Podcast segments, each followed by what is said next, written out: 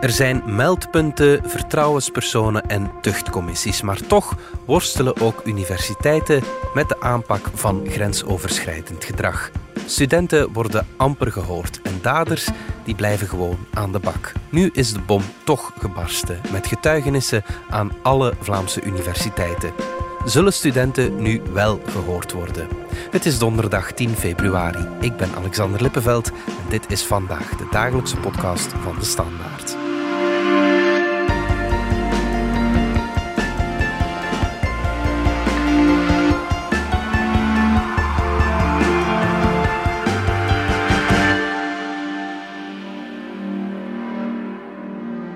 Kubra Maida van onze online redactie. Waarover gaan de getuigenissen van studenten en medewerkers aan universiteiten juist? De getuigenissen die we binnenkrijgen en de mensen waarmee ik sprak, die hebben het vooral over grensoverschrijdend gedrag. Dat kan gaan over intimidatie, over machtsmisbruik, maar soms ook wel over seksueel grensoverschrijdend gedrag. We hebben een aantal van die getuigenissen ingelezen. Ik heb het een kleine twee jaar volgehouden en geprobeerd mijn onderzoek verder te zetten, maar ik voelde dat het mentaal te zwaar werd en dat het niet meer realistisch was in deze situatie mijn doctoraat te halen. Ik dacht, als ik hier zo ongelukkig van word, kan ik er beter mee stoppen. Ja, en dan gaat het altijd van prof naar studenten of, of studenten? Inderdaad, in de meeste gevallen is het vanuit een prof, een promotor, naar de studenten toe. Denk maar aan de eerste waar het allemaal bij begon, en dat zijn de VUB-getuigenissen. Mhm. Die hadden een soort van een collectieve uh, melding gedaan over het gedrag van hun prof, DT, bij de studenten die we toen hebben gesproken, zagen we heel gelijkaardige patronen terugkomen. Er is een intimidatie, alleen machtsmisbruik, eh, was zeker aanwezig. Dat is wat, wat we zagen in screenshots en mailverkeer dat we hebben gezien. Uh, maar langs de andere kant ook wel grensoverschrijdend gedrag, als in dat proffen... Um, of de VUB-prof dan in dit geval, um, zich echt was gaan bemoeien met het privéleven van de studenten. Hij had zijn favorietjes. Ik lag in de bovenste schuif en kreeg te veel aandacht. Ik kreeg cadeaus, hij was aanwezig in mijn privéleven en kwam op openbare plekken waar ik vaak kwam met mijn vrienden. Als je daar tegenin ging, voelde je dat in je werk. Hij noemde je dan ondankbaar en dreigde met ontslag. Maar als je hem liet doen, mocht je naar de beste congressen en kreeg je extra financiële steun voor je onderzoek.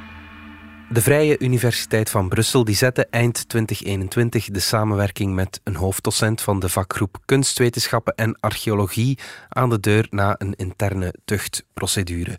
Hij zou verschillende studenten, 23 in totaal, seksueel benaderd hebben. De VUB die kreeg nadien kritiek voor het gebrek aan transparantie waarmee het dossier werd afgehandeld. Karen Celis, academisch coördinator gelijkheid van de VUB en lid van het VUB Equality Team, erkent dat de procedure anders moet. Wij merken dat die niet goed is en wij baseren die conclusie op het feit dat de slachtoffers overduidelijk eh, niet tevreden zijn over hoe het proces verlopen is en wat de uitkomst ervan is, hoe er over gecommuniceerd werd. Hè. Dus, dus deze vaststelling volstaat voor ons om uh, tot de conclusie te komen dat we beter moeten doen, dat we gefaald hebben. Eerst en vooral natuurlijk dat we het niet hebben kunnen voorkomen. Dus, dus de, de tools die dat we momenteel hanteren om het te proberen te voorkomen, die hebben gefaald. Dus daar moeten we beter.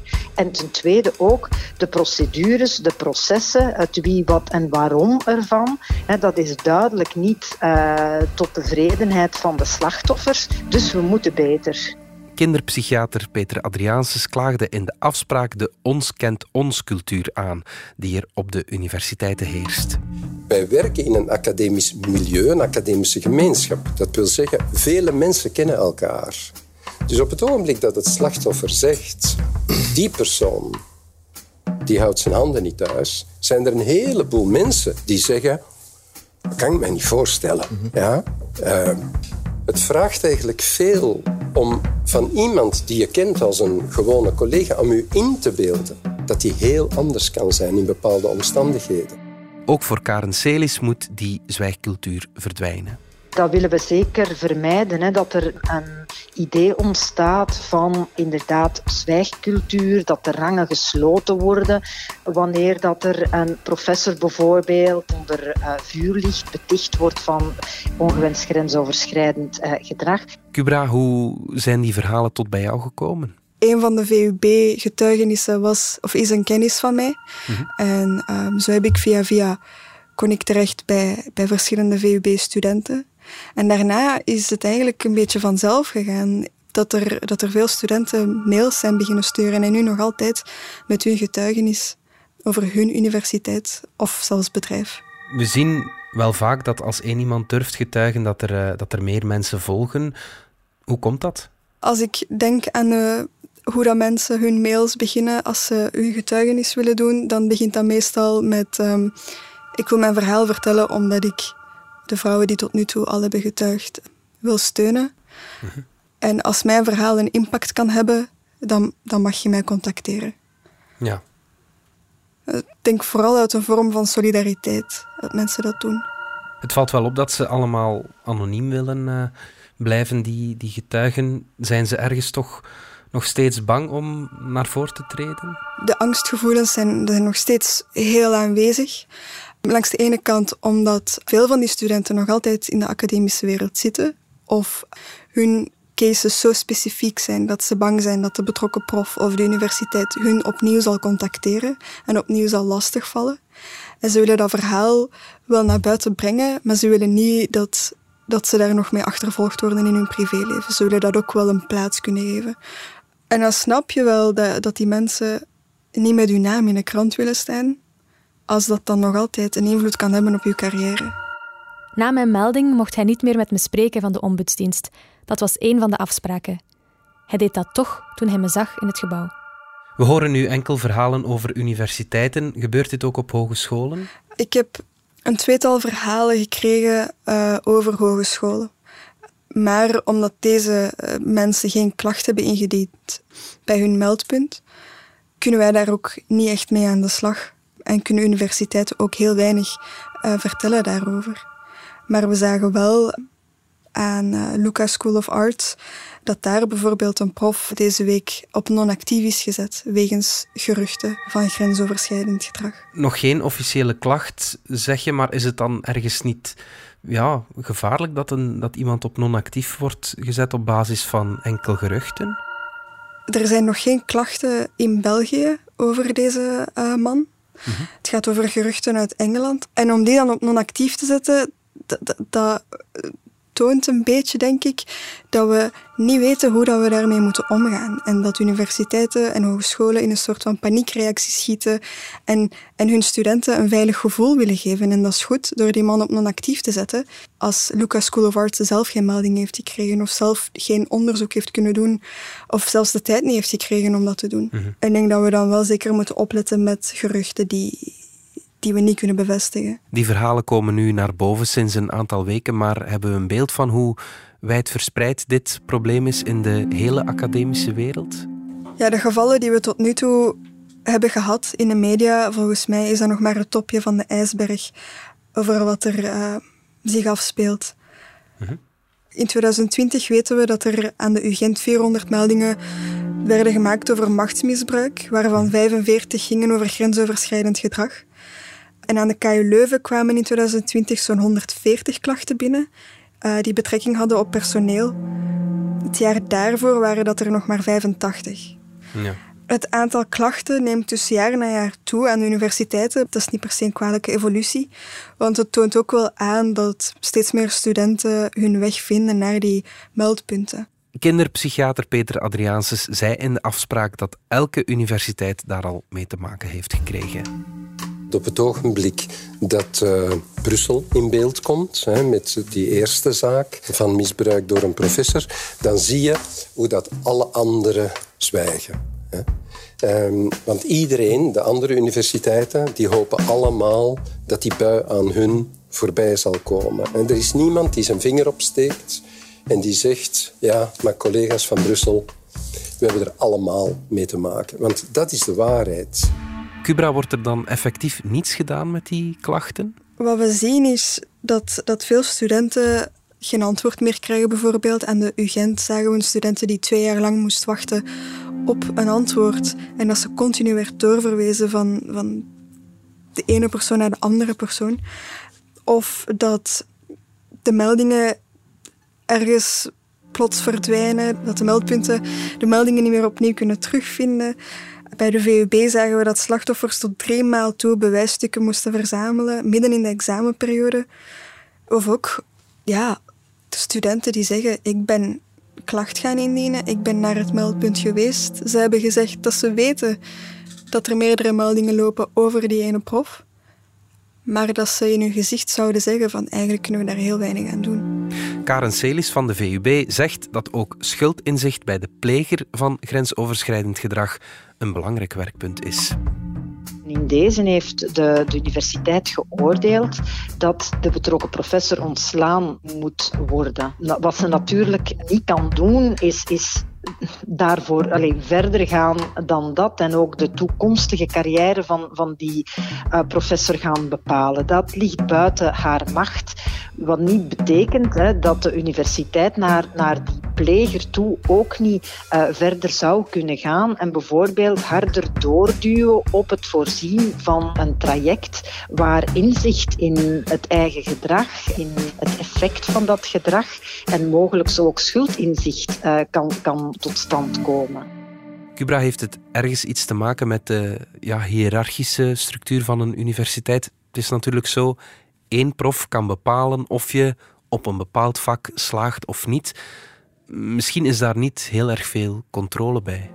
Er is inderdaad heel weinig controle bij. En dan denk ik terug aan de screenshots die we hebben gekregen van mailverkeer en, en WhatsApp en Messengerberichten, waarbij dat, dat proffen hun studenten sturen en dat je ook letterlijk zwart op wit ziet staan van ik doe alles voor uw carrière, maar misschien is dat het helemaal niet waard. Of niet vergeten dat ik uw carrière kan maken of kan breken. Ja, als je zoiets krijgt van je prof en je bent 2021 en je weet niet beter, dan, dan geloof je dat ook echt. Want je zit zo gevangen, inderdaad. Die prof bepaalt of dat je kan slagen. Als die je onderzoek begeleidt, dan heb je eigenlijk heel weinig keus. Sommige getuigenissen zijn twee jaar oud. Hoe komt het, denk je, dat er nu wel aandacht voor is? Ja, ik denk dat we ons wel op een bepaalde manier meer bewust zijn van ik heb recht om grenzen te hebben. En die grenzen zijn hyperpersoonlijk en ik wil die graag aangeven. Of ik heb ze altijd al gehad. En ik besef nu pas dat die twee jaar geleden of tien jaar geleden um, dat daar geen rekening mee werd gehouden. En ik lig daar nog altijd wakker van. Karen Celis van de VUB is helaas niet verbaasd dat deze golf van verhalen nu bovenkomt. Nee, dit hadden we uh, zien aankomen. Hè. Uh, de universiteit, net als een aantal andere instellingen en organisaties natuurlijk, uh, wordt gekenmerkt door heel scherpe machtsrelaties. En natuurlijk, wat we nu vaststellen, is misbruik van uh, machtsrelaties. Hè. Dus organisaties waar er veel van dat soort uh, machtsrelaties zijn, ja, die zijn natuurlijk uh, uitermate kwetsbaar voor, voor misbruik. Het verbaast mij natuurlijk ook niet gezien het tijdsklimaat waarin dat we vandaag leven. MeToo is al een aantal jaren hoog op de radar. Dus, dus uiteraard krijg je hier dan een, een proces van empowering. Om, om meerdere redenen stond dit in de sterren geschreven. Cubra speelt sociale media ergens een rol? Dit keer heb ik het gevoel van niet. Ik zie heel weinig op sociale media, als in ik zie niet veel mensen die, die iets tweeten of op Instagram zetten en zeggen van ik ook, ik heb dit ook meegemaakt. Mhm. Het gebeurt veel anoniemer met, met die directe mails naar ons, waarbij dat ze direct ook hun verhaal doen. En ik denk dat dat te maken heeft met dat als er iets gebeurt, denk aan Julie van Espen, mhm. dan kunnen we allemaal zeggen dat wij grensoverschrijdend gedrag meemaken op straat als vrouw. Mhm. Maar als je echt één persoon met naam kan noemen en naar je universiteit met de vinger moet wijzen, dat dat het veel complexer maakt om dan ineens op sociale media ja, u, u daarbij bekend te maken en te zeggen van ik maak nu dit mee of mijn huidige promotor stuurt mij berichten om tien uur s avonds of zo. Dat, mhm. dat is nu wel anders. Ja, De procedures lopen dus, maar de slachtoffers voelen zich niet gehoord. Kinderpsychiater Peter Adriaanses stelt voor om een onafhankelijk meldpunt op te richten om de klachten te behandelen. Je moet eigenlijk slachtoffers omringen met een veelheid aan initiatieven, zodat iemand zich vrij voelt. Als je het ergens wil signaleren, waar past het voor jou? En dat het dus niet alleen interne nummers zijn, waar dat vele wantrouwen in hebben, maar dat je eigenlijk ook een Vlaams nummer zou moeten hebben. Lijkt je dat een goed idee? Ik weet dat niet zo goed, eerlijk gezegd. Want we hebben meldpunten en mensen gaan naar de meldpunten als ze iets willen aankaarten. Dus dat is het probleem niet, denk ik. Of ja, die meldpunten moeten gewoon zorgen dat ze, dat ze weten hoe dat ze moeten functioneren. En dat kan betekenen dat ze hun manier van werken helemaal moeten aanpassen, mhm. zoals transparanter zijn en, en de slachtoffers ehm, op de hoogte houden van, van hoe het nu staat. Mhm. Ik denk dat we daar meer in kunnen investeren uh, dan, dan nog een onafhankelijk meldpunt op te richten. Annelies Despalier, ombudsvrouw gender bij de Vlaamse gemeenschap, vindt ook dat er zeker moet geïnvesteerd worden in lokale meldpunten. Er bestaat natuurlijk al heel wat. Mhm. Ehm, het is goed om dat ook te benutten. Um, en, en de ervaring leert toch ook dat die, um, die aanspreekpunten die dicht bij de, de feiten zelf staan, bij de, bij de slachtoffers getroffenen staan, dat die uh, heel waardevol zijn en dat we die vooral niet mogen overslaan. Wel, dicht bij de bron kunnen we ook kunnen universiteiten of andere organisaties ook heel snel reageren. Hè. Dat is iets, uh, vanaf dat er een extern meldpunt is, gaat er weer wat meer tijd over. En wat zijn volgens jou dan echt de oplossingen? Dat we niet meer kunnen wegkomen met we weten dit al, en, maar we kunnen er heel weinig aan doen of zo, omdat, die, omdat een prof belangrijk is um, in de academische wereld, dat je daarom niet verschillende slachtoffers serieus kan nemen. Ik denk dat we daarvan moeten leren afstappen. Dat iemands status in de academische wereld niet belangrijker is dan wat de slachtoffers meemaken.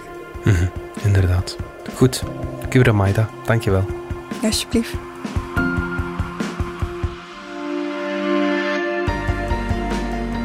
Dit was vandaag de dagelijkse podcast van de Standaard. Bedankt voor het luisteren. Ken je trouwens DS Podcast al, podcast-app van de Standaard? Daar luister je niet alleen naar onze journalistieke reeksen, je krijgt ook elke week een eigenhandige selectie van de beste nieuwe podcasts op de markt. Alle credits van de podcast die je net hoorde vind je op standaard.be-podcast. Reageren kan via podcast.standaard.be. Morgen zijn we opnieuw.